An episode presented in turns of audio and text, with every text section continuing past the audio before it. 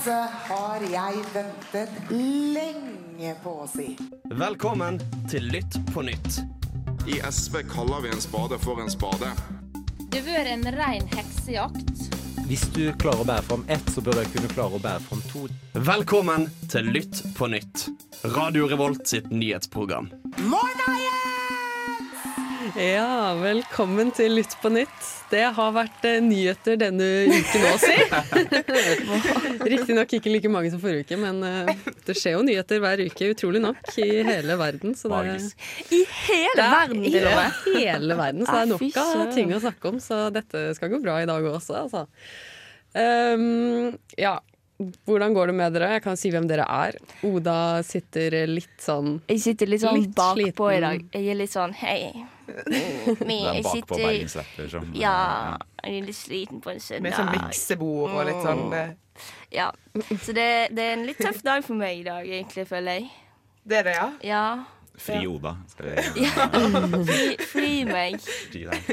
Fri meg. Fri deg fra sendinga tidlig på morgenen. Ja. Det liker tidlig og tidlig klokka tolv. På en søndag er det tidlig. Det gjør jo det. Ja. Nyheter sover aldri. Vi må være Nei, på det er et godt poeng, Håkon. Kan ikke sitte her og Skjer jo hele tida. Ja, okay. ja. Det skjer jo hele tiden, så vi må, må være på. Ja. Så vi skal komme meg litt opp, eh, opp fra stolen etter hvert, kanskje. Må få satse på. Ja, sige gradvis Men eh, oppover. akkurat nå så kommer jeg til å være godt plassert nede i denne kontorstolen her. Nå er du nærmest Sitter ett, da kan det hende at du Ja, ja da kan hende. Men dere, dere har eh, mye energi, eh, Håkon og Guro. Masse. Masse. Ja, helt vilt. Eh, ja. Det er utrolig hva, hvor mye energi sånn fire timer søvn gir. Det er liksom det Ja. Jeg tror jeg er så ny på radio kontra dere at jeg har overtenning uansett. eh, når Ja, jeg er på radio. det- Så for min del så masse. Ja, ja det Det var sol i dag tidlig. Jeg føler det begynner å bli vår, så jeg er kjempegira. ja, du er overbevist om at det. det er vår, du, ja. Ja. Det syns Mm, jeg er ble veldig vår i dag. spennende take på Og jeg har bursdag i morgen, så jeg tenker at våren kommer liksom i morgen? til min bursdag. Kødder du? Ja, mhm. Jeg måtte uh, si det på radio. OK. Jeg har Eh, et kollasj. til deg. Jeg har et collage. Den kommer i morgen. ja, mm, gleder meg. Uff. OK, vi får gå videre i sendingen og faktisk begynne å snakke om disse utrolige nyhetene som har eh, kommet denne uken. Som eh, du hører på Lytt på nytt her, altså, på Radio Revolt.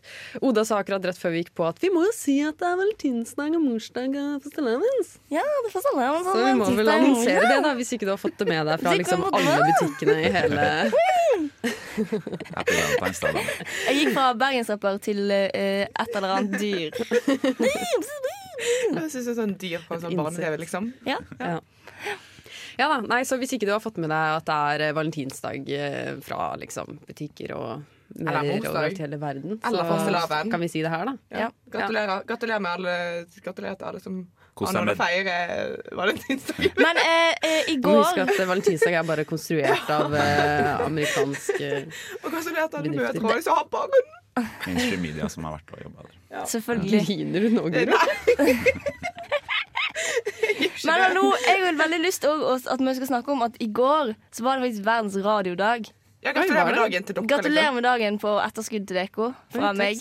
Vær så god. Tusen takk. Hva innebærer det egentlig? Er det Eh, liksom det feiring av oss eh, eh, som folk? Ja, fordi FN har en radiodag, så liksom de skal feire at liksom eh, eh, radioens rolle i internasjonalt samarbeid og i noe demokrati og noe styr Det var Ja, jeg har ikke lest meg veldig opp på dette. Ja, ja, vi kan jo si at vi kjemper litt for demokrati her. Ja, men det syns jeg jo vi gjør. Det er ganske ja, en viktig samfunnsfunksjon, eh, vil jeg påstå. Absolutt. Hva Ja, ja, ja. Vi er den fjerde statsmakten. til bare stenger ute. Ja, Ja, kun akkurat oss. Akkurat oss i dette rommet. Vi er den fjerde statsmakten. Sjukt ydmyke er vi også. Så det er, Ja, ja, er bra. Beskjedne.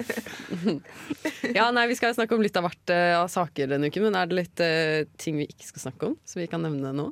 Facebook.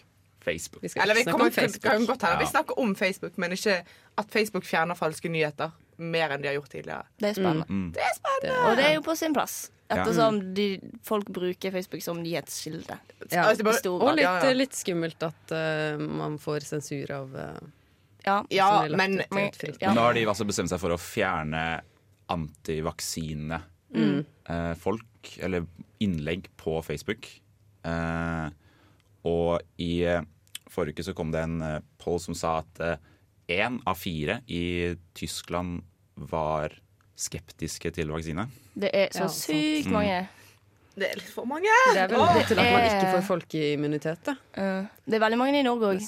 Og leger i Norge og Sykepleierforbundet var ute og var sånn Nei, jeg vil ikke ha AstraZeneca. Og så Oh my god. ja, det, Veldig lite produktivt. Nei, men det er kult Ja. at Facebook også sånn slår litt ned på og Du har jo sett det også når eh, Trump ble fjernet på Twitter. Det ble roligere på Twitter når eh, den karen eh, Absolutt. dro- altså, Det trengs jo. Det er viktig at de tar det liksom. samfunnsansvaret Ja, ja, ja. endelig. Det skulle bare mangle, egentlig.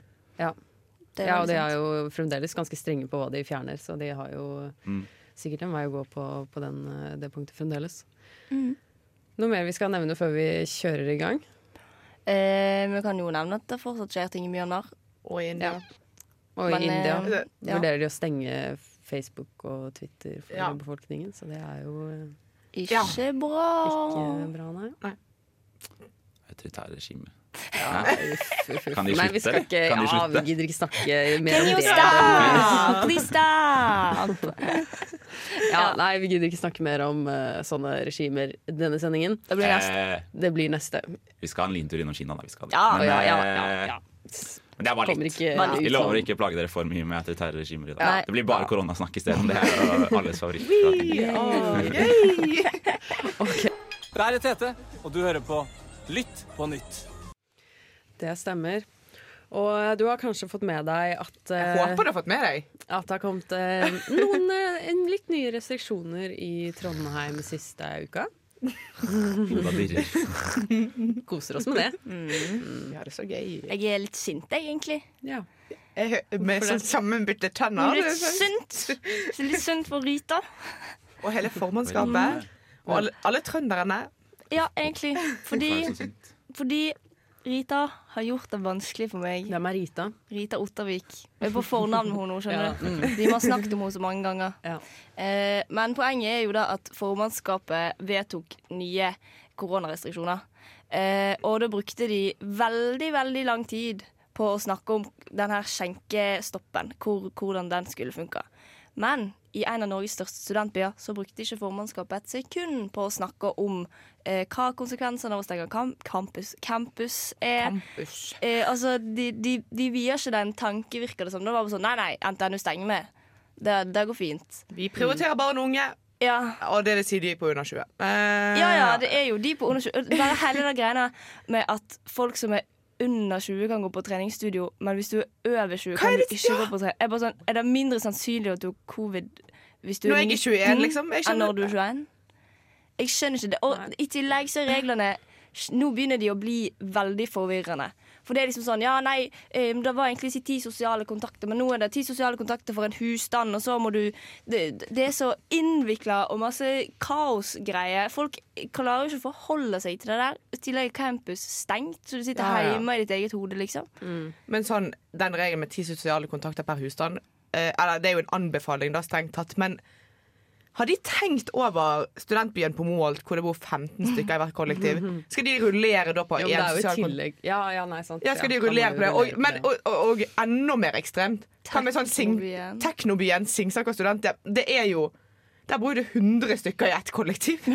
I, samme, I teknisk sett samme De kan husstand. kun møte Ja, igjen så er det anbefalinger for alle i hele kommunen. Så da må de jo på en måte ta et slags sånn anslag.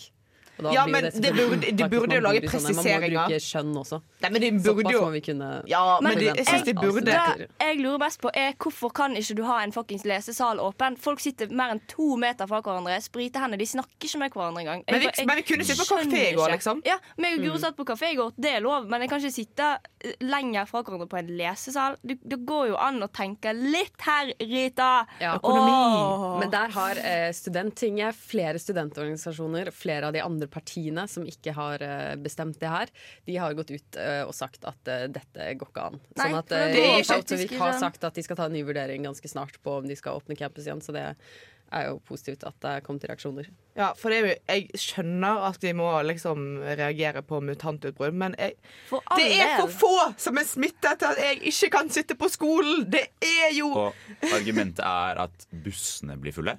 Eh, Et av hovedargumentene i Ja. er at trebussen opp til Dragvoll blir stappa. Den Hvis du har tatt trebussen opp til Dragvoll, så er ikke den eh, Den har ikke vært stappa på Nei, ganske det god Ja, lenge er det ikke også derfor vi har munnbind. Det er jo det Ja. som er hele Ah, det tiltaket går ut på. Å ta utgangspunkt i at det skal være mindre enn en meter mellom folk. Så jeg tenker vi bør stappe de bussene hvis jeg skal gå med munnbind på den bussen. Men jeg synes at, ja, eh, igjen så er det liksom sånn Ja, vi blir på en måte en ettertanke. Og nylig kom ut den eh, studentbarometerundersøkelsen ut som viste ganske urovekkende tall. Eh, som viser at kanskje vi burde tenkt litt mer på studentene.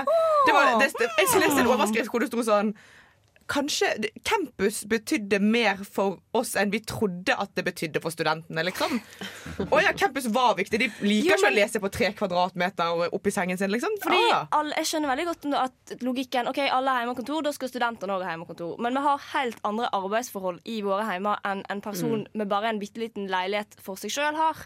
Det er ikke mange studenter som har godt arbeidsmiljø hjemme i sin egen le leilighet eller kollektiv. Det, det funker jo ikke. Når du jobber, så får du jo, da er det jo HMS-regler som sier Ja, at du har ja. krav til Du kan få jobben til å kjøpe ny stol til deg, altså mm kan webkamera og alt. Men pult, liksom. Det vil ikke Ja. Henrik Asheim gi meg, bruker liksom. strykebrett som, eh, som pult Ja, men det er jo, det er jo godt til å Jeg vurderer å kjøpe det strykebrettet, liksom. Det, Ja. det er ikke så veldig mange alternativ når alt er stengt. Nei, vi er sint. Vi er Ta ansvar. Hei sann, jeg er en veldig viktig person, og jeg hører på Lytt på nytt. Det gjør du også. Ja, nå har vi jo rantet litt på de nye koronareglene og hvordan det påvirker studenter. Og I den forbindelse så har Oda begynt å lese i kommen, nei, kommentarfelt. Denne gangen er det Twitter, Ja. for å prøve å finne noen flere å være sinte på. Ja, men egentlig Det, er sånn, det virker som jeg er veldig sint, men jeg er egentlig ikke Jeg er jo egentlig det. Ja. Eh, men jeg, jeg er ikke det egentlig, på en måte. Men uansett. Jeg har i hvert fall kost meg litt på Twitter, for jeg gikk inn og så var jeg sånn OK, eh, hva rører seg på Twitter om dagen? Og da, det første jeg ser, er eh, ei dame Jeg skal ikke henge ut navnet hennes, men hun, Hun heter har- Anne-Britt. Ja. Ja. Um, Hun har jo skrevet dette sjøl. Hun heter Anne Britt. Hun er professor på BI, og det hun mener, er at Nei, OK, jeg skal lese dere- Twitter-meldingen til dere. Anne Britt skriver Det jeg lurer på, er hvorfor ikke studentene brukte koronaisolasjon i 2020 til å lese pensum. Aldri har de hatt mer alenetid. Men det blir spesielt mange dårlige eksamensresultater. Selv om undervisning var, er digital, og campus tidvis stengt, er det mulig å studere på egen hånd. Jeg blir. Jeg Har hun- noen tides oppfølgingstweet på det òg? Hun har oppfølgingstweet der hun mener at det handler om dårlig selvdisiplin, og at det handler veldig masse om mobilbruk. Og dette var et problem før pandemien. De Ja. brukte mobil i forelesninger òg. Så de, studentene suger i dag. Forelesere og liksom. lærere som klager over mobilbruk, de er dårlige på å holde din oppmerksomhet, ikke Ja. dårlig Mm. altså, Så, eh, Det er ikke vi Anne som suger, det er de. Ja. Anne Britt mener da at studentene bare er late, og det er derfor det har blitt dårligere eksamensresultat. Fordi at hvis vi bare hadde hatt litt disiplin, så kunne vi fått kongekarakterer. For vi sitter bare inne og leser hele dagen. Ja. Det kunne vi gjort. Anne Britt har jo definitivt da et eh, gigantisk kontor på BI som hun Ja. eh, har kunnet jobbet på gjennom hele pandemien. Hun Og har skjønner nok ikke problemet. havutsikt på det kontoret. Ja. Um, Så hvor vanskelig er det Altså, da? jeg har ikke vært så veldig ensom, da. Hatt en mann og barn, eller kanskje. Eller ja. Sikkert brutt litt koronaregler Ja, og ja. vært med de Men tror dere det er eh, mange som sitter med de samme tankene som henne? Ja. At, eh, Ja, jeg tror det er mange veldig mange. Mange som har glemt hvordan det er å være student. De som akkurat har fylt sånn 46, liksom. Liksom Det var litt veldig spesifikt. Jo, men de som er litt 46 og over, de tror jeg faktisk har eh, så lite peiling på hvordan vår situasjon er. Jeg tror ikke de skjønner det på noen som helst måte. Men det er jo ganske skremmende at en person som faktisk jobber som underviser for studenter, Ja. har så liten innsikt i hvordan livet vårt er. Altså, det er jo Ja. litt absurd, Det, ja, for sånn, eh, Samtidig så er jo sånn Aksel Sjora, som er professor Ah, i sosiologi på NTNU Han er sånn Ja, jeg vil, bruke, jeg vil at NTNU skal bruke åtte millioner kroner på at NTNU-studentene skal spise pizza, liksom. Mm. Og møtes for å spise pizza. Fordi vi legger altfor mye vekt på hva de ikke får lov til. Og du ser jo at de ikke har det sykt bra om dagen. Eh, nei. Liksom det Studenter er superensomme, eh, gjør det dårligere på eksamen. Altså, Lite motiverte. jo- Det er jo ikke Alle har jo fått en motivasjonssvikt. Det men, er jo men du, altså når 61% av studentene har mistet motivasjon, så er det Det er et problem, Det er liksom. ikke pga. dårlig selvdisiplin. Anne-Britt, OK? Det er bare noe med de Zoom-forelesningene som er liksom sånn Det er for lett å bare skru av. Anne-Britt må ta sin bolle. bolle. Ja. Vi skal høre på Fastelavnsbolle. Du hører på Lytt på nytt på Radio Revolt. Det stemmer. Nå skal vi snakke om Somalia, eller USA i Somalia. Eh, For eh, siden Trump ble innsatt, eller det vil si siden eh, George Bush erklærte krig mot terror i 2001, så har det vært amerikanske soldater i eh, Somalia. Men spesielt mye de siste fire årene med Trump i Det hvite hus. Um, og det eh, Nå er på en måte spenningen da om dette kommer til å fortsette med eh, Biden eller ikke. Eh, for i løpet av de fire årene så har det dødd mange folk. Eh, mer enn eh, eh, på ja, siden 2001 i Somalia, ah, som skylder da droneangrep fra USA. Men man har på en måte aldri vært helt sikker på om dette har gått utover eh, sivile eller ikke. Eh, og det er liksom de siste årene at Amnesty har kommet med rapporter om at det er en del sivile som blir drept i disse droneangrepene. Eh, og at eh, det kan godt hende det er flere krigsforbrytelser som har eh, skjedd i løpet av de fire årene, og at man ja, Men har ikke dette blitt veldig veldig underspilt? Altså, jeg har ikke Jo da, det blir omtalt som liksom den hemmelige krigen til. USA. Vi følger jo litt over middels med på nyhetsbildet, og dette har ikke jeg fått med meg Nei. før denne uka. her, skal Nei. jeg innrømme. Mm. Eh, Ikke heller. Det er egentlig Sikkert bare sløvt av oss, men, altså, Jo, men- det tyder jo på at de virkelig prøver å komme under radaren her og gjør Mm. ganske ille ting uten å egentlig få noe eh, presse eller noe som sier imot dem. Ja. ja, og Det som er litt spennende nå, er at eh, nå i januar så ble disse soldatene trukket ut pga. Eh, skiftet i eh, Det hvite hus. Mm. Em, men det skulle vært valg, for det har liksom en påvirkning på politikken i Somalia også, når USA driver og blander seg. For på mandag skulle det vært valg, og pga. såkalte uenigheter mellom opposisjonen og den nåværende presidenten, så ble det ikke valg likevel. Blir ikke opposisjonen enig med nåværende presidenten? Wow. Det er Ja, rart. ja, for det er liksom Mm, ja, valg. Det gir ikke helt mening for meg. Men litt av grunnen til det er fordi at opposisjonen har erfart at når det er eh, mye eller opprustning av militæret, så fører det til en styrking av eh, diktatorer. Mm. Eh, som gjør at de igjen eh, også angriper opposisjonen. Ja, OK, så det de er ren en taktikk, får- da, fra opposisjonen sin side òg. Ja, jeg har ikke helt skjønt uh, Jo, hvorfor det ikke har blitt valg, på en måte. Men, uh, men ja, det, det er nok fordi at uh, diktaturet er styrket. Mm. Og Men altså, Ja, herregud, når det, det, Nå sparker jeg inn en veldig åpen dør. Når skal USA slutte å blande seg bort i absolutt alt? Jeg, man er lei Det det, det er krigsforbrytelse på krigsforbrytelse. Jeg- Det, Mm. Så lenge de får leke verdensmakt og hegemon, liksom, så tenker de at vår jobb er å spre demokrati, og derfor Ja. kan vi blande oss inn i absolutt alle land. Du sprer jo ikke demokrati, du sprer jo bombe. Altså, det er jo Det, men de tror de sprer demokrati ved å ja, bombe ja, for det er jo direkte feil, ser man jo på en måte på påvirkningen eh, på politikken opp gjennom tidene. Ja, Men de er jo flinke til å liksom vise til statistikk. Se her så mange terrorister vi har drept, eller så mye vi har forhindret. Men i samme slengen så dreper de litt sivile og Ja, styrker ja. diktaturet, liksom. Mm. Ja, for jeg tenker jo- sånn Når de dreper masse terrorister og sånt, og dreper sivile og sånn, så tenker jeg at det gir motivasjon til å radikalisere mer. Mm. Eh, ja, da har jo Altså, hadde, Altså, har sett. hadde USA bombet meg hver dag, så hadde jo jeg kanskje blitt litt anti-USA og litt antidemokrati jeg òg til slutt. liksom. Naturligvis. Ja. Det er en dårlig taktikk. Er- Ja, nei, Så der der får du litt tips fra meg, Joe Biden. Det er en dårlig taktikk. Takk. Ville ikke gjort det. Bare stopp. Bare vær snill med alle. Kan ikke alle bare være venner? Ja. Nei, Vi får se hvordan Biden stiller seg til det her eh, framover. Vi håper jo at eh, de kan eh, holde seg innenfor sine egne landegrenser. Hva har fire bein om dagen og seks bein om natta? Jeg vet ikke, men uh, hør på Radio Revolt. Vi, skal, eh, vi kommer jo ikke unna å, å snakke om uh, impeachment, eller riksrett. Uh. Alltid tilbake til USA. ja, det blir alltid litt Ja. USA. Det Kan du håpe på at de spennende. liksom roer seg litt ned nå, for nå er det liksom Nå føler jeg at nå er vi endelig ferdig med Trump.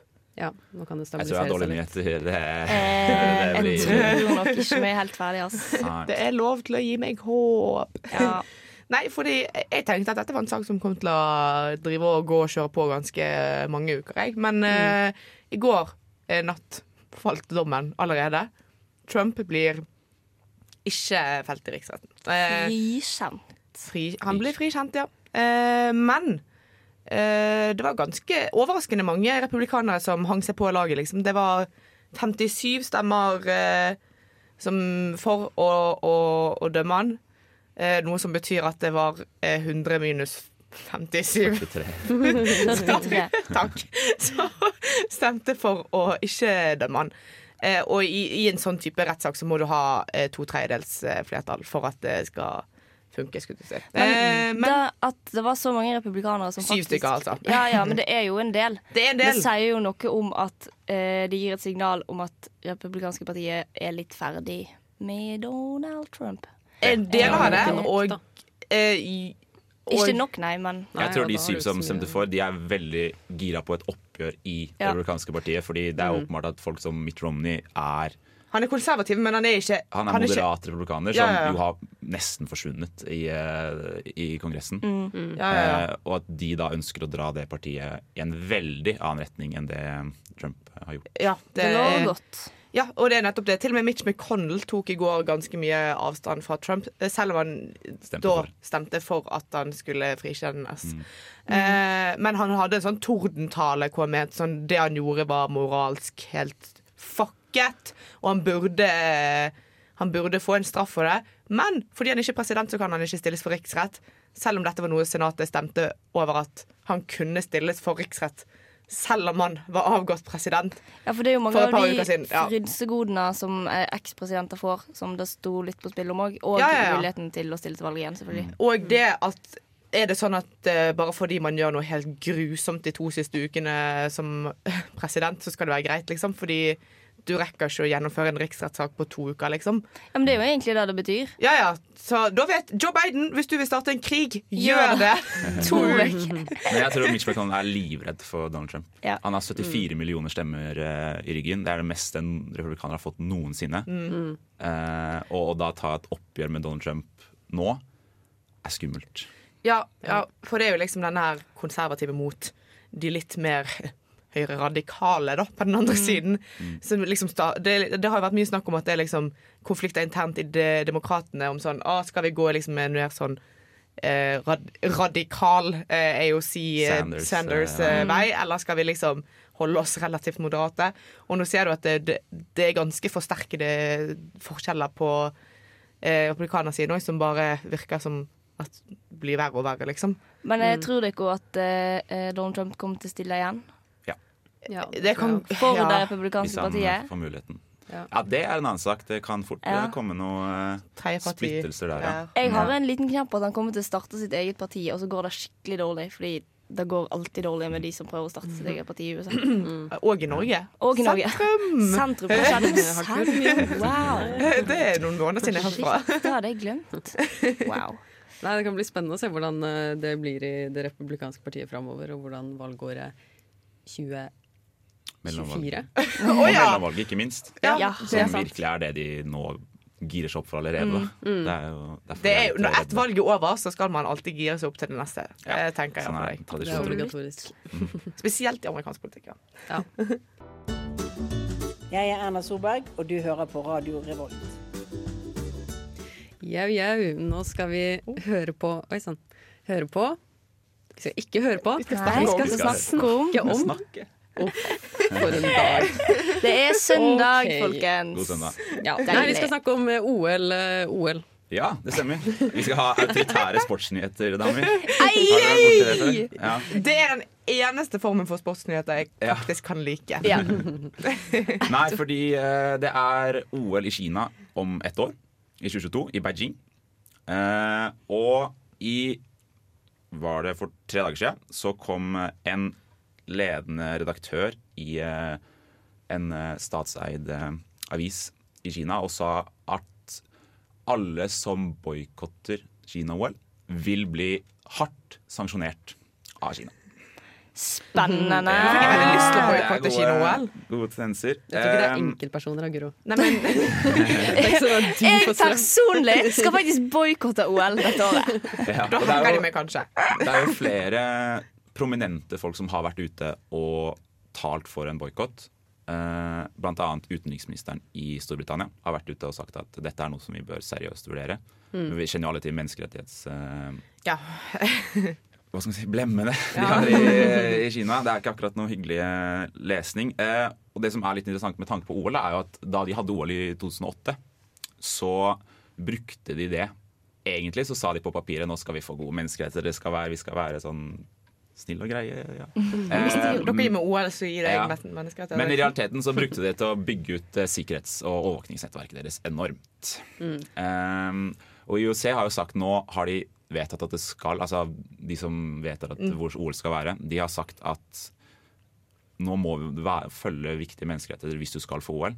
Men det sa de selvfølgelig etter at Kina fikk OL. Så det kan Etter glemme. Kina Ja. og Russland Det var et VM i Qatar. Altså, Ja, det er mye grums der. Altså. Brasil og Ja, ja, ja. Men det som, er, eh, det som er litt sånn spennende, er jo hvordan Kina bare er jo Tines bølle. Det er jo, det ser jeg også det nå på Australia, som har gått ganske hardt ut mot Kina og sagt at vi ønsker eh, ganske stor etterforskning av hva i all verden som skjedde i Wuhan og, og sånne ting i, i Mm. januar. Og da har de bare blitt møtt med økonomiske sanksjoner, ekstremt hard, krasse eh, tale fra den kinesiske staten. For det er jo det Kina har muligheten til. Å bare Mm. utføre så mange økonomiske sanksjoner mot enkeltland at de må gå med på kravene til Kina, liksom. Men kan ikke bare hele resten av verden gå sammen, da? Og så kan de på en måte boikotte Jo, men samtidig sånn som Norge, da. Norge er jo dritredd for Kina.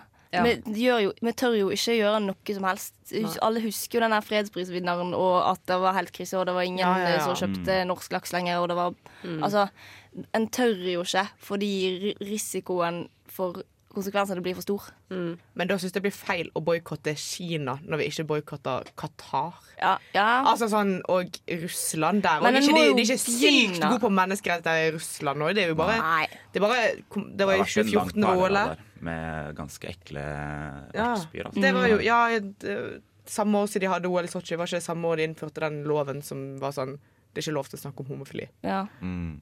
kanskje. Da, da, ja, det var iallfall rundt samme greien. Liksom det og Brasil òg. Det er jo ikke sykt kult å bruke masse penger på OL-greier når eh, når du har dritmange folk som er fattige i landet ditt, og så skal det liksom, du skal bruke alle pengene på stadioner som kommer til å bli rustet ned. Men man har jo boikotta før. Vi har boikotta Moskva-OL i 1980, faktisk. Så det er, eh, throwback til den. ballsy! Ja, det var døft. Eh, Så det har skjedd, og, og det kan skje igjen, og det vil nok komme en debatt etter hvert i Norge Ja. også. Vi er jo, Mm.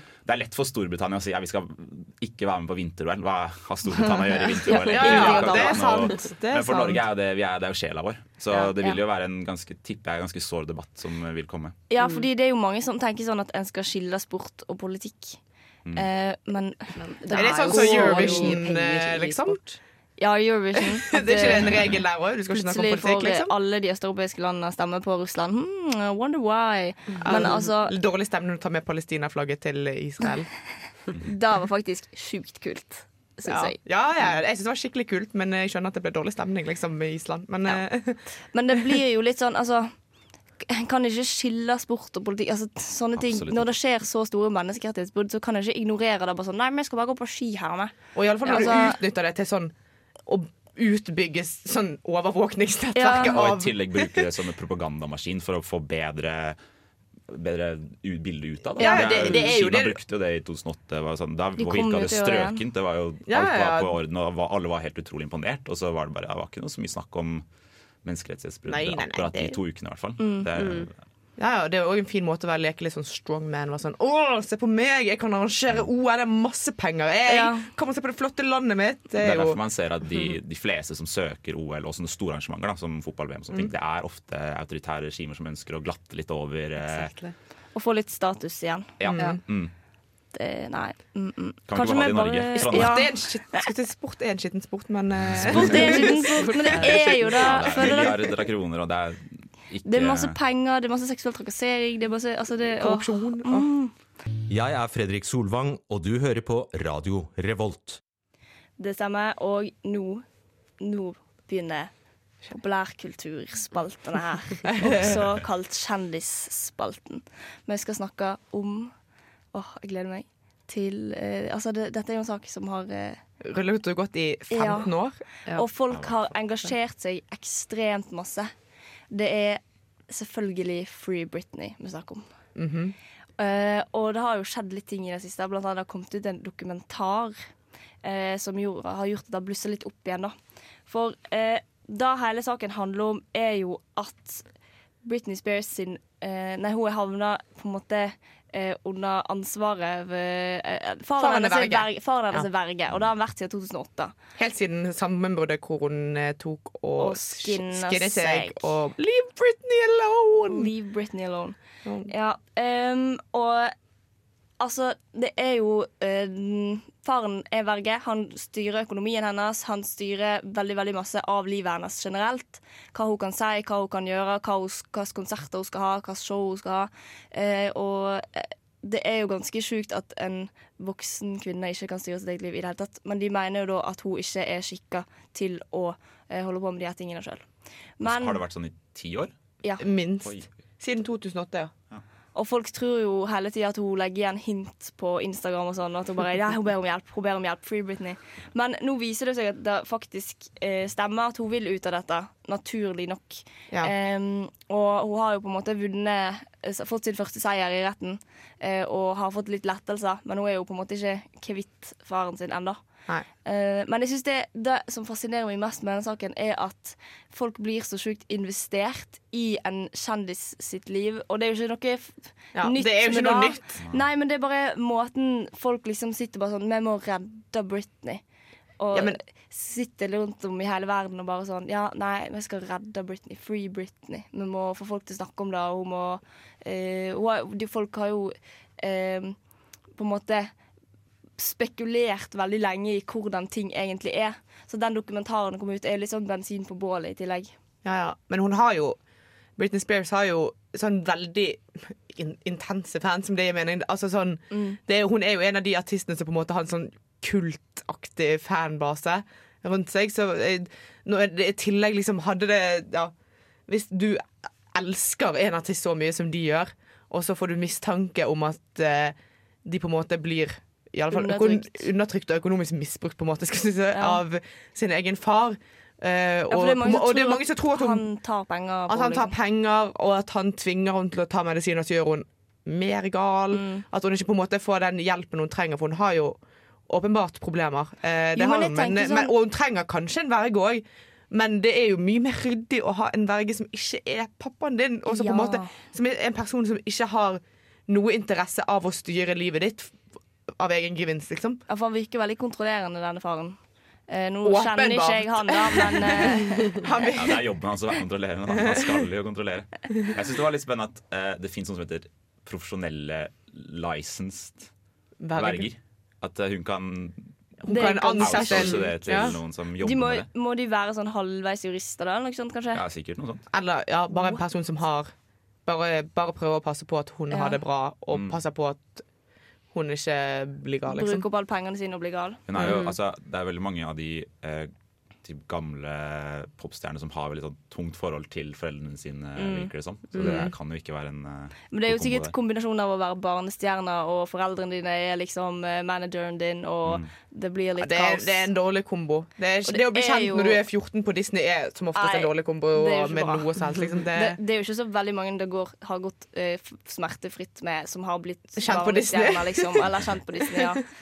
Det er jo uh, det er ikke akkurat en hemmelighet. Og det er jo ikke rart heller at folk blir litt crazy av uh, at hele verden vet hvem det er. Nei, ja, de, de, spotlighten i hva da, 25 år eller noe sånt. Nesten. ja, ja. Den har jo vært, hatt folk på seg helt Ja, ja, ja, er jo, ja jeg blir sliten av. Ja, ja. Una, du, du er litt stille her under Kjendisspalten. Hva syns du om eh, Free Britney-bevegelsen? Nei, eh, det er jo Ja. det er jo ikke noe nytt at Helt folk ærlig. blir engasjert i det her, liksom. Og jeg skjønner jo at det er en eh, spesiell sak, på en måte. Og for, for min del så ser det ut som det er, det er jo en enkel løsning. Det er jo bare at hun får en ja, en licensed verge, da. Men Eller en det er jo en enkel eller en eller annen som er upartisk til å ta over ansvaret. Det er jo Enkel løsning, men hun får jo ikke det til fordi at hun kontrollerer ikke sitt eget liv, så hun kan ikke be Nei, om det. nei. Ja, det er det nettopp det. ja, Hun må gå til retten for å liksom få Ja. ordnet dette her. ja. Det er Jeg syns det er sjukt. Ja, det er ganske sykt. At et voksent menneske kan bli så bestemt over et annet voksent menneske. Det syns jeg er veldig fascinerende. Jeg Mm. skjønner ikke At det er nødvendig, ja. Ja, for hun er jo Nei. nei. OK. Ja. Nei, jeg, syns, jeg syns synd på Britney. Altså, jeg klarer ikke å engasjere meg helt sånn sykt mye. Jeg tror hun er mer Sånn som engasjert i distriktspolitiske saker. Ja, ja. Eh, er Men da er vi jo egentlig alle. Ja. Men Free Jeg Britney, da. liker the best of both worlds, jeg. Men eh, det, det mener jeg at dette er. Hei, det er Kyra Gørvla Kygo Nei, bare kødda. Det er Thomas Seltzer. 30 år eldre enn Kygo. eh, Og du hører på Radio Revolt. Det stemmer. Og nå skal vi snakke om eh, det nye, eh, store, spennende sosiale mediumet Clubhouse. Wow. Er det noen av dere som har Clubhouse? Nei. Nei. Ikke jeg heller. Så viktig er jeg ikke. Jeg hadde sykt lyst til å være sånn Jeg har. Men jeg har. For Clubhouse er jo en slags eh, Hva skal man si? Blanding av eh, Zoom og Twitter. Og kan man si det? podcast-ish. Ja. Og Litt sånn, ja. Ja. ja, for man kan liksom Nå er det bare de inviterte som får lov til å være med i Clubhouse. Uh. Eh, og så kan man lage sånne chatterom, eller ja, snakkerom, Mm. da, hvor man snakker med hverandre om forskjellige temaer. Og så er det ofte noen som bare hører på, og noen som på en måte har avtalt på forhånd et tema de skal snakke om. Mm. Um, Og så kan man hoppe inn i den ja. samtalen da, og høre på eller være med. Jeg Det syns det, høres- er et fascinerende konsept. Det høres jo jævlig lite ut, òg. Hva gjør det annerledes enn en telefonsamtale mellom veldig mange mennesker? Det er vel det at det blir liksom i sosiale medieverden sånn at fremmede kan komme inn. Ja. Å ja, nå snakker Trine Eilertsen om uh, om valget. Eh, så kan man liksom hoppe inn der og Nei, nei, men Da kan man jo ja. ja, regionsreformen. Regionreformer. Pensjonist. eh, Det hadde jeg hørt på. Det er det verste. Vi hadde, tuna, Jeg- jeg vi, det, vi hadde faktisk tuna inn på det, vi, ja, Ja. alle sammen. Det tror jeg. Men man kan jo, mens vi er inne på Trine Eilertsen og Clubhouse, så kan vi jo prate litt om eh, Hvis dere har hørt Aftenpodden denne uka her, Mm. så var hun veldig, veldig gammel. Ja. Og, og det er litt sånn trenden med Clubhouse. Når du, nå har det kommet på NRK. I fare for å høre utrolig hipster og ekkel ut. Det er ferdig. Det er ferdig. Og Eilertsen sa at først så prata de litt om at de delte masse skibilder på Facebook. Som man jo gjør når man er eh, kul og hipp og tøff. Ja. Og så etterpå så, gikk de, så begynte de å forklare Clubhouse. Da. Så eh, Så ja. gammel at uh, hun ikke skjønte det, så hun sluttet å bruke det med en gang. Ja. Jeg ble veldig det er jo irritert da hun fikk sånne varsler, så hun fjernet de. Ja. Så da bare gikk hun ikke inn på den. Det ble så mye varsler. Bortkastet invitasjon. Men jeg Ja. føler litt sånn Hvem er det som er på Clubhouse? For jeg Det er føler Linda at Hefstad Holland. Det har jeg fått med meg. Ja, Linda. ja, men det er, sånn, det er jo bare de som er på Twitter, aka journalister og politikere, liksom. Og, men eliten av de. Det er journalistelite, Ja, ja. liksom. Så det, Men nå er det et elite-medium til de grader. Det Ja, kan ja. jo- Definitivt. Ja, Men nå er det jo også flere sånn influenseraktige typer som har typer som også har eh, kommet inn i det her, som har sånn eh, eh, Skryte av seg selv. I, i, her kan dere komme inn i min kanal, og så kan vi bare skryte av seg selv og, og, Si og være fornøyd med med oss selv. Det kan jo godt hende at det blir trendy på den måten. At man kommer til å bruke det som terapi på- eller. Mm. Ja, Terapi over eh, Men jeg har skjønt at eh, musikk Det har eh, gått litt inn på musikkbransjen òg. At det er en del som liksom diskuterer bare sånn OK, hvordan uh, er musikkbransjen i Norge i dag, og masse norske artister som uh, tar del i det. Det er jo litt interessant. Det er jo litt kulere enn Twitter, eh, Twitter-menneskene. Ja, konseptet er jo Ja. genialt. Masse folk som sitter hjemme i stua si allerede, kan jo like gjerne bare Ja. prate med Ja. masse ja. folk, Spørsmålet er om sånn det varer etter korona. Det kan det at jeg bare Nei, rett i det. Det, kom, en, Ja. det er ikke det nye sånn TikTok, liksom? Eller Nei, andre ting som tok over verden nettopp, liksom? Men jeg bare lurer, hvor får folk sånne her invites? Jeg skjønner ikke. Det er ingen som vil ikke det, er, det, er, jo derfor det er så gøy nå. Det er jo fordi at man må ha en invite. Eh, Konseptet Ja. er ikke nødvendigvis så bra. Det er bare gøy at oi, bare de inviterte kan komme inn. Det er det som er spenningen, nå, da. Du skal bare lure på det Men fram jeg til du vil bare plutselig være får en invite. med. Jeg Ja, får FOMO. Men jeg har jo egentlig ikke Jeg hadde jo brukt ca. null minutter av livet mitt på det. Ja, ja. Altså, jeg hadde sikkert hatt samme tilnærming som Trine Eilertsen. Bare sånn, nå kom det litt mange varsler, det her skjønte jeg ikke. Jeg, jeg slutter å bruke den appen. Lese stortingsmeldinger isteden. Ja. Mm, deilig. Du koser meg med stortingsmelding hver dag. Nei, vi spår at eh, Clubhouse eh, er ferdig. Ja. Ja. Før det egentlig har begynt. Hva er det du liker best ved studentradioen? Jeg hører alltid på studentradioen. Vi skal snakke om eh, prisutdelingen Gullbarbien som eh, eh, press, Den- den- eller Redd Barna, ja. Barna, ja. Den, den prisen man ønsker minst i verden, kanskje. Eh, ja. Samme fredsprisen. Ja. For da må du drive med folkemord etterpå. Du, Ja. det er så Ah, Let's not go jævlig there. tiltak. Søren òg! Jeg ble kåret til fredsprisen. Nå må jeg drive og drepe folk. Eh, den som vinner Gullbarbien, pleier ikke å drepe folk, da. Det pleier å være en, pers en person eller en organisasjon eller en merkevare som får eh, flest unge til å føle seg verst. Og i år var det Sofie Elise. Eh, AS, Mm, eh, som, vant, eh, som vant den prisen. Hun var nominert sammen med, eh, med Brandy Melville, som er en sånn der kleskjede som har én størrelse. Og den størrelsen er veldig liten. Ja, den, eh, ja det, og eh, sammen med TikTok, fordi det er jo mye Det er sikkert mye kroppspress på TikTok òg. Jeg vet ikke. Eh, Det ser jeg ikke. Jeg ser bare folk som tryner og sånn. ja, ser barn i kjeledress og Ja. ja, sånne ting. Men eh, eh, i alle fall, Sofie Elise har blitt nominert veldig mange ganger, men dette var faktisk første gangen hun vant. Og hun eh, mener at hun ikke fortjener den. Surprise, Eh, surprise. Ja. Ja, det er jo ingen som vinner Gullbarbien og så er det sånn Ja, vet du hva, OK! Jeg i brun og blid mener at jeg fortjente den, faktisk. Jeg så den komme. Men eh, ja, for hun driver jo med veldig seksualisert markedsføring til eh, et publikum som stort sett er barn og unge folk, liksom. Eh, og hun Ja, hun er jo en influenser ja, Det er vel ikke det at hun har eh, drevet med så mye operasjoner og fikset på utseendet sitt. Men det har hun jo òg. det har hun jo òg. Hun har jo drevet med mye sånt på siden. Skulle. Men jeg tror det også handler liksom om Ok, hun skal selge deg en bok, og så står hun halvnaken og skal selge deg den boken. Det er bare sånn, ok Ja, reklame for selvbruning. Da ligger hun naken på en strand. Ja. Og liksom, ja, det, Jeg syns, syns det var litt bra at det var som hun sa, det var et AS, altså Sofie Elise AS som fikk det. Det er jo ikke Sofie Elise som bare står bak der. Hun Mm. har jo et åpenbart et Mhm. ganske stort markedsføringsapparat bak, og en, Ja, ja. en del folk som pusher henne til Eller altså, hun tar jo valgene selv, åpenbart, men som er ba i ryggen Ja, ja. Da, for at eh, hun skal Mm. eh, fremme disse holdningene. ja, og eh, jeg tenker hvis du har en millionlønn, så må du være forberedt på konsekvensene det kan gi. Hvis du har en millionlønn som baserer seg på at du skal selge eh, kropp og ikke Mm. Ja, og liksom Selvbruning Nå kommer jeg prøver å tenke på hva hun kan selge deg, men eh, det, altså Mye av hun handler om utseendet hennes. Mm. Uh, Det er jo det som er merkevaren er hennes, ja. Merkevaren Mm. hennes er at hun er pen, liksom. Ja. Ja. Men hadde ikke hun gått ut og sagt sjøl at bare sånn Nei, jeg er bare en jente som prøver å finne ut hvem jeg er. Jeg er bare en 26 år gammel jente som prøver å finne min vei i Men livet. du har òg en egen bedrift som har ganske mye penger i omløp hvert år, så Ja, du er ikke må skyldig faktisk lenger når man tjener så mye penger. Vet du hva, hun, har ikke noen gitt seg med bloggingen for ti år siden. Hun har jo holdt på dritlenge. Liksom. Hun vet jo hvordan dette gamet funker. Selvfølgelig. Åpenbart. Hun er kanskje en av de i Norge som vet aller best hvordan Ja, det funker. 100 Hun er jo Og er god på markedsføring. Hun er utrolig god på det. det. Åpenbart. Ja.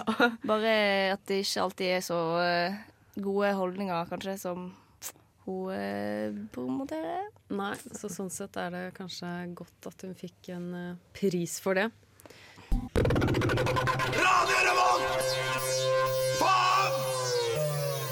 Det er korona, nytt muterte mutert eh, virus, men det stopper ikke Paradise Hotel fra Vi skal til Mexico! eh, dra til Mexico! Tequila! Og taco. Og taco. Eh, oi. Jeg ble veldig er sint allerede.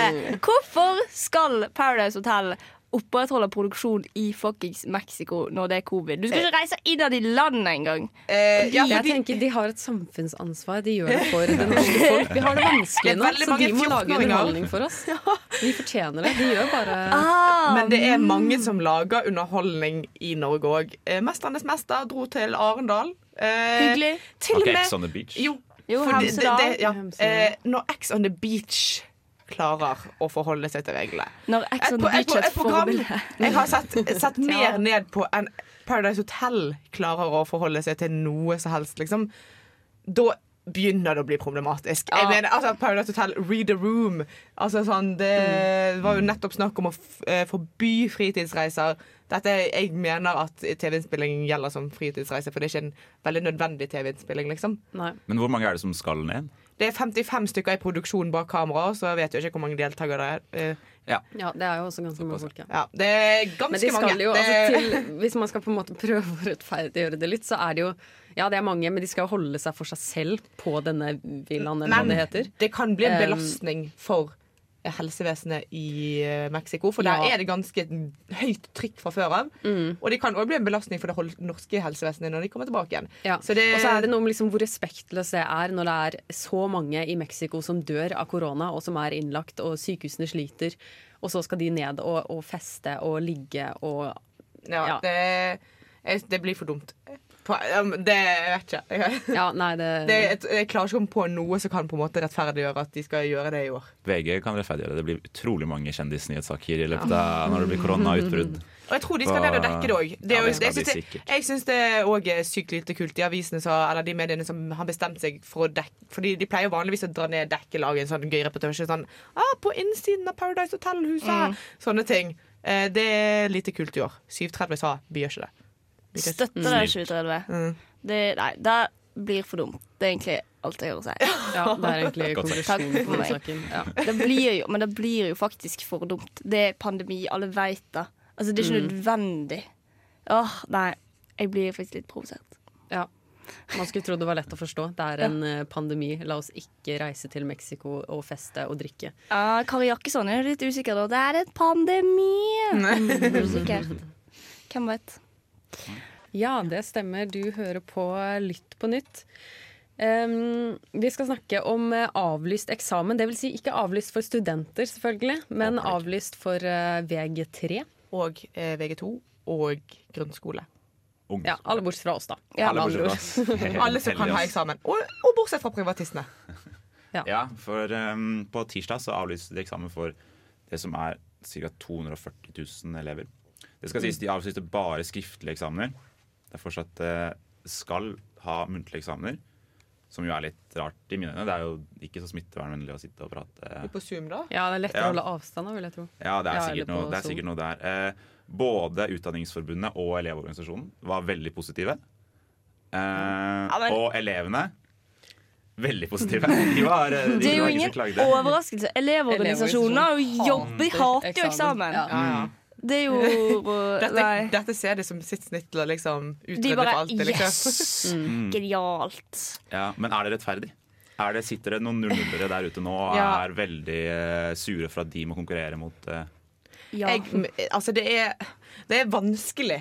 Det er skikkelig vanskelig å vite. Mm. Fordi eh, 02-årene, som er de som går ut av videregående i år, har jo hatt et ganske Altså sånn eh, middels god opplæring siden mars i fjor. Og, øh, så at de ikke skal ha eksamen, det gir jo total mening. Og eksamen skal jo på en måte være en eller annen standardisert prøve som skal gjelde for alle i hele landet. Og når ikke alle i hele landet har hatt samme type eh, opplæring det siste året på skolen, så gir jo det mening at noen fra en eller annen liten bygd hvor det ikke har vært korona, har en stor fordel i forhold til de som bor midt i Oslo, liksom. Ja, det er og på sant. ungdomsskolen, det Min søster de går nå ikke. på VG3 eh, og har fått avlyst alle sine eksamener. Og hun har vel vært på skolen halvparten av tida i det siste. Og alle som har prøvd digital undervisning, vet at det er Ah, Det er ikke eh, like bra. Det er ikke Ja. det. Og, det er en stor debatt som man bør egentlig ta. At det, et, det begynner å bli ganske mye fag som har eh, gått eh, ad undas pga. Ja. av det Ja, greiene her. jeg- mm. Hvilke hull kommer disse videregående elevene til universitetet, da? Ja, Ja, men de kommer jo for, eksempel ikke være vant til å ha eksamen, da. Og da, da må du være vant til på universitetet. Så jeg, jeg tror mange kommer til å slite kanskje med det faktisk å ha eksamen. Det kan hende det blir litt skummelt. Ja, En har ikke trent seg i det. Det er jo en øvingssak, liksom, å ha Mm. eksamen. Ja, for jeg tror sånn sett at det hadde vært lurt å ha eksamen bare for å oppleve det, på en måte. Men Ja, det, det, de det blir- får det blir eh, dumt å ha konkurranse liksom. Ja. for å komme inn på studiene. Men nå får jo de som har hatt eksamener, vanskeligere for å komme inn på studier Ja. fordi at de ikke har hatt eksamener. Mm. Så det blir jo uansett Ja, det er synd på en òg, liksom. Fordi de, de tok seg et friår etter videregående, så tenkte de ja, ja, dette blir bra, og så begynne å studere etterpå. Lite visste de at midt i friåret sitt så skulle det inntreffe en global pandemi, og så skulle det plutselig bli flere som konkurrerte om plassene på studiene deres. Og dette skulle foregå over to år, hvor på en måte noen fikk en slags fordel.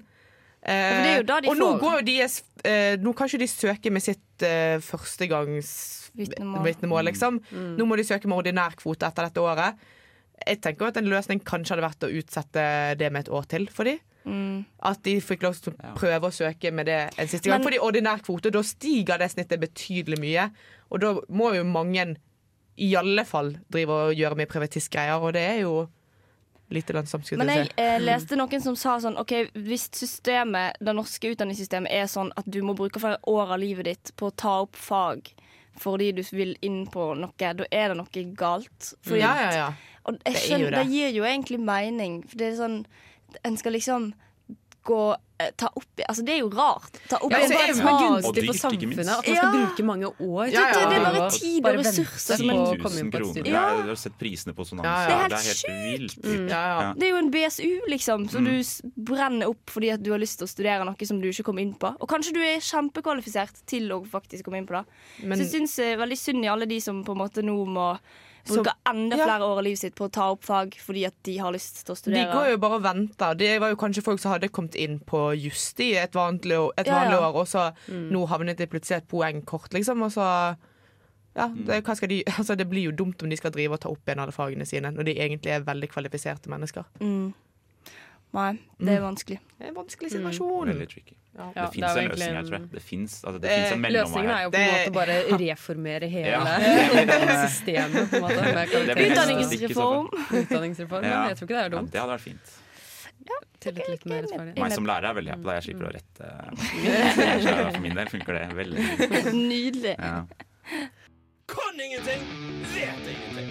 Skam deg! Bryr seg ikke om folk i det hele tatt. Bare Nå må du ta deg en kompetent- Hver konspirasjonsbolle Fy faen, her er det klassisk vannmelon. Grønn utenpå, rød inni. Og stråmennene dine kan du ta med deg bak loven. Nå er det duket for kommentarfeltkonkurransen. Det stemmer, og det er konkurransen der Oda i dag skal lese opp noen kommentarer fra et kommentarfelt, og så skal vi gjette hvilken sak de tilhører. Jepp.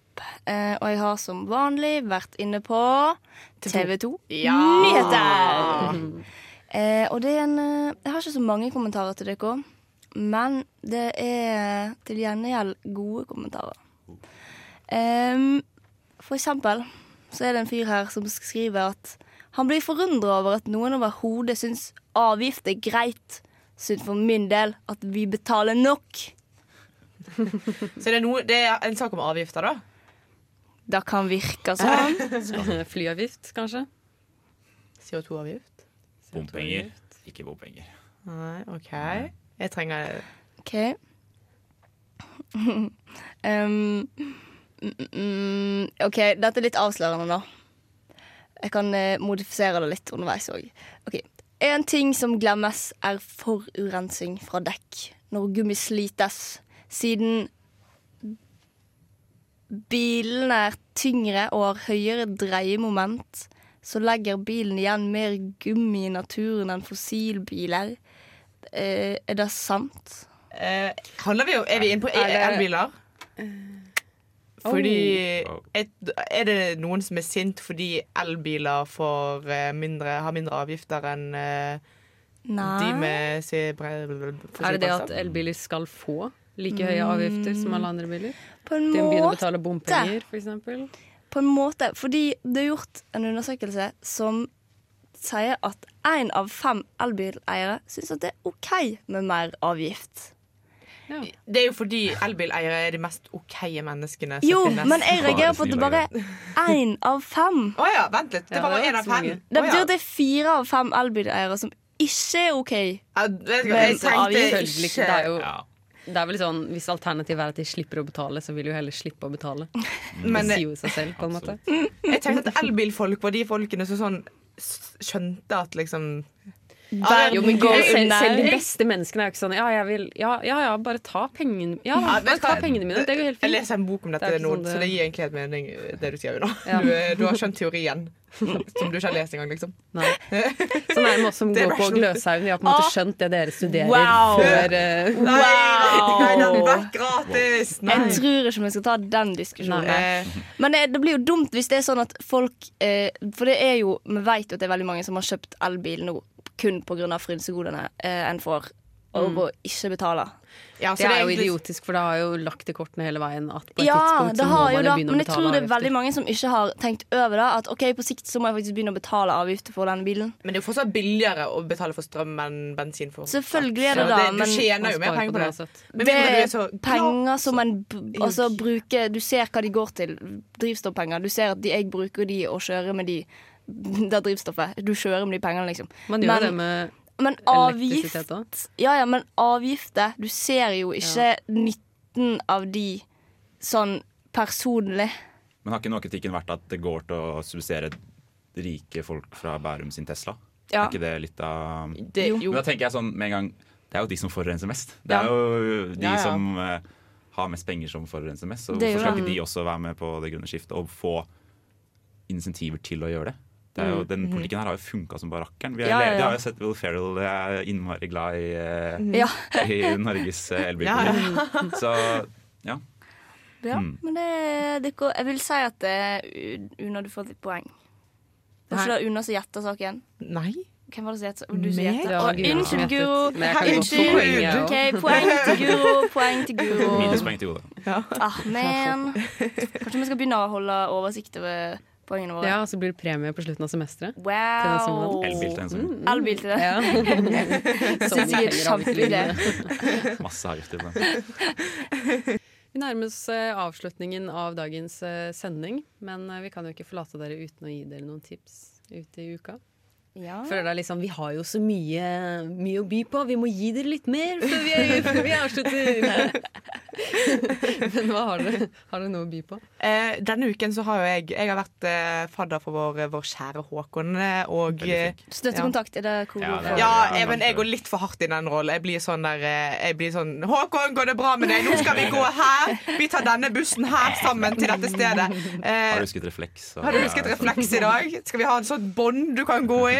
Eh, Det er veldig gøy. Har du møtt noen nye? Det, men men det, det, det har jo ikke vært så mye vi kan. Vi, det har jo ikke vært så mye festing som det vanligvis pleier å være i, i vår organisasjon når vi tar opp nye. Eh, det er jo sånn man blir kjent med folk i Ja. Trondheim. Eh, det er på hybel til hybel. Eh, ute, det er jo sånn tradisjon man har i Trondheim, at i sånn fadderuker og sånt, at man har sånn tema på forskjellige folk sine leiligheter. Ja. Og det pleier vanligvis å være veldig gøy, men det har jo ikke kunnet gått med fem stykker. Nei. Eh, Så hva har dere gjort, da? Vi har vært ute og spist! Masse Det var poenget ditt! Dere har spist! Ja, det er endelig! Det tok lang tid å bygge seg opp. Etter 105 digresjoner så kom jeg endelig fram til at vi har vært ute og spist. Hvor har du spist? Eh, Fortell blant meg. annet på Lager 11, som var eh, det er helt nytt for meg. Jeg har ingen peiling på at dette fantes. Det er en sånn mathall ute med Sluppen. Og eh, det, Hva er konseptet, liksom? det er en mathall. Det er jo sånn- Hvordan en mathall funker. Det er jo sånn du kjøper eh, forskjellige slags småretter fra forskjellige sånn Det er vel åtte eller ti boder Ja. med ulike retter fra Ulike- rundt om i verden, egentlig. verdenshjørner. Ja. Ja. Og ja, det er veldig, veldig, veldig, veldig gøy konsept. Veldig, det var ganske gøy mat der òg. Sjukt fresh lokal også. Ja, det var, det var kanskje det. det, kuleste det, syns jeg. Ja, og- hyggelig. Ja. Eh, når eksamen åpner opp igjen, eventuelt når du får satt vaksinen din på sluppen, for det ligger rett ved siden av eh, eksamenslokalet til NTNU, så vil jeg anbefale å ta deg en tur innom Lager 11. Det er kanskje eneste dårlig med det, at det ligger så nærme. Ja, det- ja. Posttraumatisk stress hver gang. Det- ja, det- ja. Det- Jeg ser det der eksamensbygget, og så blir jeg sånn Blir småkvalm. Blir sånn Og så, og så er det alltid det med å komme seg hjem igjen derfra. Det, altså, jeg har aldri kommet meg så raskt hjem igjen fra sluppen som jeg gjorde denne uken. Fordi det er jo umulig å finne fram der ute. Og man planlegger alltid hvordan man kommer seg til eksamen, men aldri hjem fra eksamen. Så her Eh, har jeg en liten høne å plukke med AtB igjen. som vanlig. Sett opp et jævla busstopp på sluppen, da! Åh. Ah. Ah. Det var mitt tips til AtB. Ja, med buss. Kan jeg komme med noen tips, eller? Ja, selvfølgelig. Ja. Vi skal gå en helt annen retning. Hvis du sitter i sofaen og ser etter en film, så har jeg en veldig bra film om amerikansk politikk. Vi snakka om krigen, om ter krigen mot terrorister. i. Ja. Litt, i hvert fall. Eh, og en av stråmennene bak, eh, bak den krigen mot terror er Dick Cheney. tidligere visepresidenten til eh, George Bush, Ja. som egentlig styrte sjappa når Ja. eh, det var det. Og det har blitt laget en film om han som heter Vice. Det var vice president. Vice Ah. Vice heter. Den er laget av han som har lagd en Big Short, hvis dere har sett den. Som Ja, er ja, ja, ja, ja. Eh, der. Ja. Eh, og den liksom viser liksom hvordan han egentlig bare manipulerte det meste av det rundt seg for å styre og inn på det han ønsket, da. Som visepresident, som egentlig vanligvis ikke har noe makt i det hele tatt, nesten. Hmm. Så gøy. Det tror jeg jeg må se i helga. Ja. Det er bra for det jeg politikken, oss. Rett hjem og Jeg elsker sånne politi... Så, den der eh, filmen om Ruth Bader Ginsburg som kom på Netflix Ja. òg. Eh, vil anbefale. Dere får en liten overraskelse når det dukker opp en kannibal midt inni. Eh, Army Hammer spiller mannen til Det er en populærkulturvits, unna. Ja, men da er det det. Hjelp meg til å skjønne hva som skjer. Det var uh, nyheter denne uken òg. Det var ikke så verst, eh, verst eh, blanding. Litt mye populærkultur for min smak. Da jeg Jo, men det, jeg føler det er kanskje litt viktig at vi har litt sånn drypp av populærkultur òg. For vi At er du er ikke for eliteklubb her inne? ja, ja, ja. Vi er jo en del av eh, eliten fordi vi eh, ikke vil skyte ulv, har jeg lært. Av en Ja. ung SP-er. Ja. I, i Pelskåper. Ja, det var, det var Tix i en annen font. Eh, Det var Tix i en annen font. Det syns jeg var fint sagt. Veldig poetisk av deg. takk. Bra. Men eh, ja, vi må i hvert fall prøve å snakke litt om populærkultur. For deg. Hvorfor kaller vi det populærkultur? Det er- mega, mega nerd å si! Herregud! Kjendiser og ting. Eh, Film og TV. Film og TV. Fordi vi blir jo ofte litt opphengt i sånne store utenrikspolitiske saker og eh, reformer, liksom. Det er jo distriktspolitikk. Altså, vi må jo eh, må være litt, eh, litt Kule vi òg noen ganger. Hæ? jeg syns jeg prøver å være sjukt kul, og så er jeg egentlig hun 40 år gamle Du er jo Trine Eilertsen, du. Ja. Som, som Håkon eh, kalte gammel i sted. Liksom, du, er jo, du er jo litt gammel. Ja, men ja. Jeg Ja. Ja. ja, ja, men jeg er jo egentlig det. Du trenger Clubhouse, du, Oda. Ja, Ja, så eh, og hvis du. Hvis det det, det hvis, du som hører på nå, har en invite til Clubhouse, send den til meg. Skamløst. Ja, ja, men, ja, men jeg kan, kan jeg å tape på det? Herregud! Null å tape på det. med studentmedie.no, er det der du kan nå deg? Yes. Ja. yes. Eller på Tinder. Ja, Eller på Tinder. Nei, det er litt dårlig da, faktisk. Eh, Er du en av de studentene som har gitt opp? For det var, det var Ja. noen nye greier om at eh, studentene har gitt opp på datinglivet. Eh, ja, jeg er en av de. Ja, det Der føler jeg så absolutt. Nei, vi får eh, takke for oss. Det var hyggelig at du hørte på i dag også. Du fikk litt mer populærkultur denne gangen. Jeg skal sørge for at vi ikke snakker like mye om det neste uke. Vi skal